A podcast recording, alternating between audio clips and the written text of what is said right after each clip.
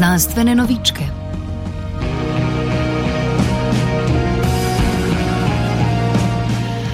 V letošnjem letu smo dobili prvo dobitnico prestižne Filcove medalje za matematiko. Prislužila si jo je matematičarka iranskega rodu Marjam Mirzakani. Nažalost so letošnji podeljevalci Nobelovih nagrad ponovno spregledali ženske. Ob enajstih nagrajencih sta bili le dve nagrajenki. Poleg Malale Jusafaj, ki je prejela Nobelovo nagrado za mir, je le del nagrade za medicino romal v roke neuroznanstvenici May Britt Mouser.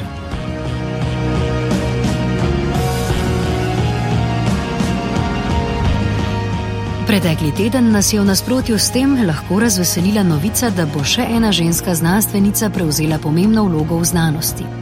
Z letom 2016 bo vodstvo Evropske organizacije za jedrske raziskave, krajše CERN, prevzela italijanska fizičarka Fabiola Gianotti. Slednja bo po 16 generalnih direktorjih CERN-a prva ženska, ki bo stopila na ta položaj. Fabiola Gianotti je po študiju fizike doktorirala z področja eksperimentalne fizike delcev. Zaposlena je bila kot raziskovalka v CERN-u, leta 2009 pa je postala vodja eksperimentalnega projekta Atlas. Projekt Atlas je eden izmed dveh raziskovalnih projektov znotraj velikega hadronskega trkalnika, ki sta bila soudeležena pri zaznavi Higgsovega bozona julija 2012. Mimo grede, v tem projektu je bilo med sodelujočimi zgolj 20 odstotkov raziskovalk.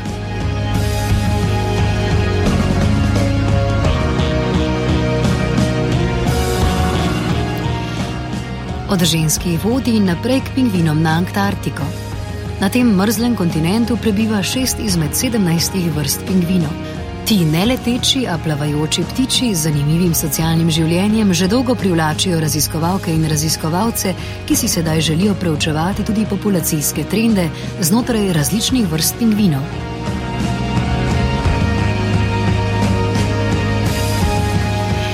Naravno okolje pingvinov nažalost izginja, zato si znanstvenice in znanstveniki želijo preučiti prilagoditvene zmožnosti populacij na okoljske spremembe.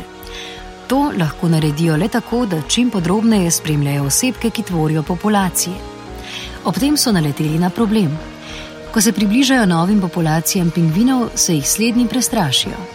Odzive strahu so zabeležili tudi s fiziološkimi odzivi, kot je naprimer povišan srčni utrip. Strah in ob tem povišen stres lahko vodi tudi k možnosti izgube potomcev, nesreče, poškodbe pingvinov in druge neprilike. Ker zgolj z oddaljenim opazovanjem ne morejo dobiti dovolj podatkov za podrobne analize vedenja in fiziologije pingvinov, so si znanstvenice in znanstveniki z Univerze v Štrasburu zamislili podkožne oddajnike, s katerimi bi jih spremljali. A težava ostaja ista, saj se jim morajo za sprejemanje signala prav tako približati. V želji, da bi zmanjšali vpliv prisotnosti ljudi na pingvine, so si zamislili ročno vodenega mini štirikolesnega roverja, ki se je prikrito pridružil skupini pingvinov. Tudi v tem primeru se je srčni utrip pingvinov povišal, a je bil prihod roverja nižji kot v primeru prisotnosti ljudi.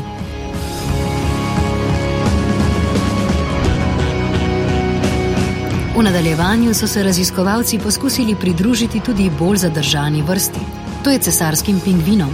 Po vodnih poskusih z navadnim štirikolesnim roverjem so nam dodali ljudko pingvina in cesarski pingvini so pingvinskega roverja sprejeli v svojo družbo. Raziskovalci pa so tako pridobivali signale s pingvinov.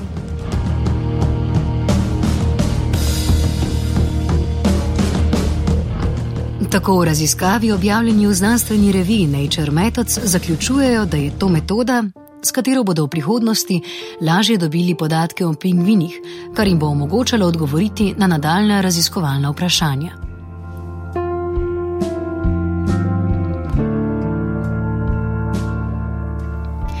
Ali se pingvini pogosto praskajo, ne vemo. Ako ljudje občutijo srbečico, se nekateri praskajo tako dolgo, da to privede do bolečine. Namen praskanja je pravzaprav občutenje bolečine. S tem, ko občutimo bolečino, zmanjšamo srbečico. Vsi smo gotovo že kdaj doživeli nenavaden občutek, ko se moraš nujno popraskati in potem srbenje za trenutek popusti, na kar stvar postane neznosna in ste se ujeli v začaran krok praskanja.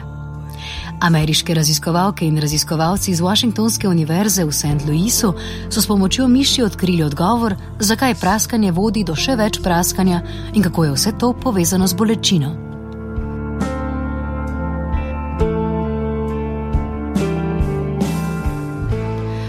V našem telesu najdemo različne kemične prenašalce ali neurotransmiterje. Eden izmed njih je tudi serotonin. Slednji se sprošča v centralnem žilčnem sistemu in ga pogosto povezujemo s počutjem, dnevno-nočnim ritmom ter halucinacijami. Večina serotonina se v resnici sprošča iz neuroendokrilnih celic prebavnega trakta, kjer nadzoruje premike črevesja in je deloma odgovoren tudi za to, ali bomo imeli diarejo ali ne. Poleg opisanih funkcij je aktiven tudi pri občutenju bolečine.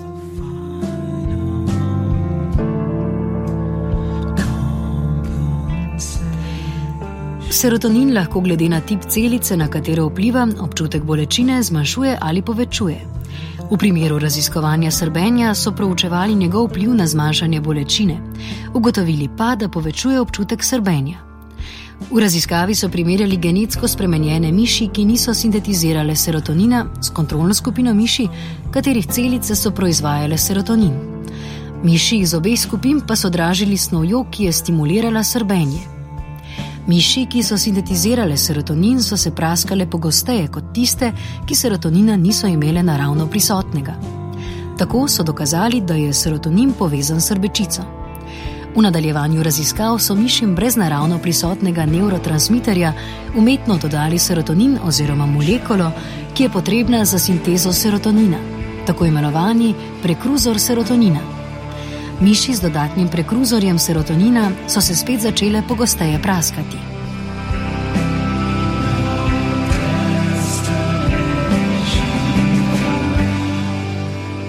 V nedavno objavljeni raziskavi v znanstveni reviji Neuron znanstvenice in znanstveniki poročajo tudi o povezavi med celicami, iz katerih se sprošča serotonin, s celicami, ki izražajo od gastrina odvisne peptidne receptorje za katere so sprva domnevali, da so povezani z občutjem bolečine. Podrobna analiza je pokazala, da v resnici od gastrina odvisni receptori niso aktivni pri občutenju bolečine, ampak ob praskanju, iz česar so zonki za prvi avtor članka in kolegi sklepali, da morda serotonin aktivira te receptorje in vpliva na srbenje. A zgodba ni tako preprosta. Po podrobnejši analizi so na celicah, ki so izražale od gastrina odvisne peptidne receptorje, odkrili še serotoninske receptorje, imenovane NAA receptorji. Ko so raziskovalke in raziskovalci tačno odražili NAA receptorje, so se miši praskale.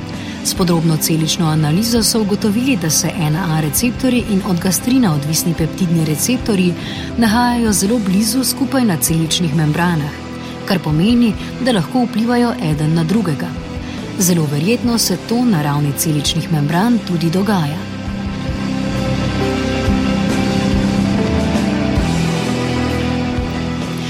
Torej, ko se popraskamo, začutimo bolečino, kar vodi v sproščanje serotonina, ki deluje na NAA receptorje, kar zaradi njihove bližine hkrati vpliva tudi na od gastrina odvisne peptidne receptorje.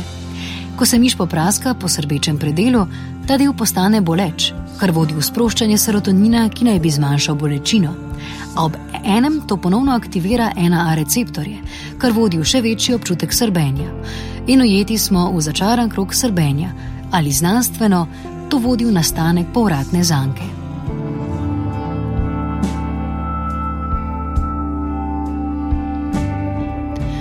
Novičke je pripravila Zarja.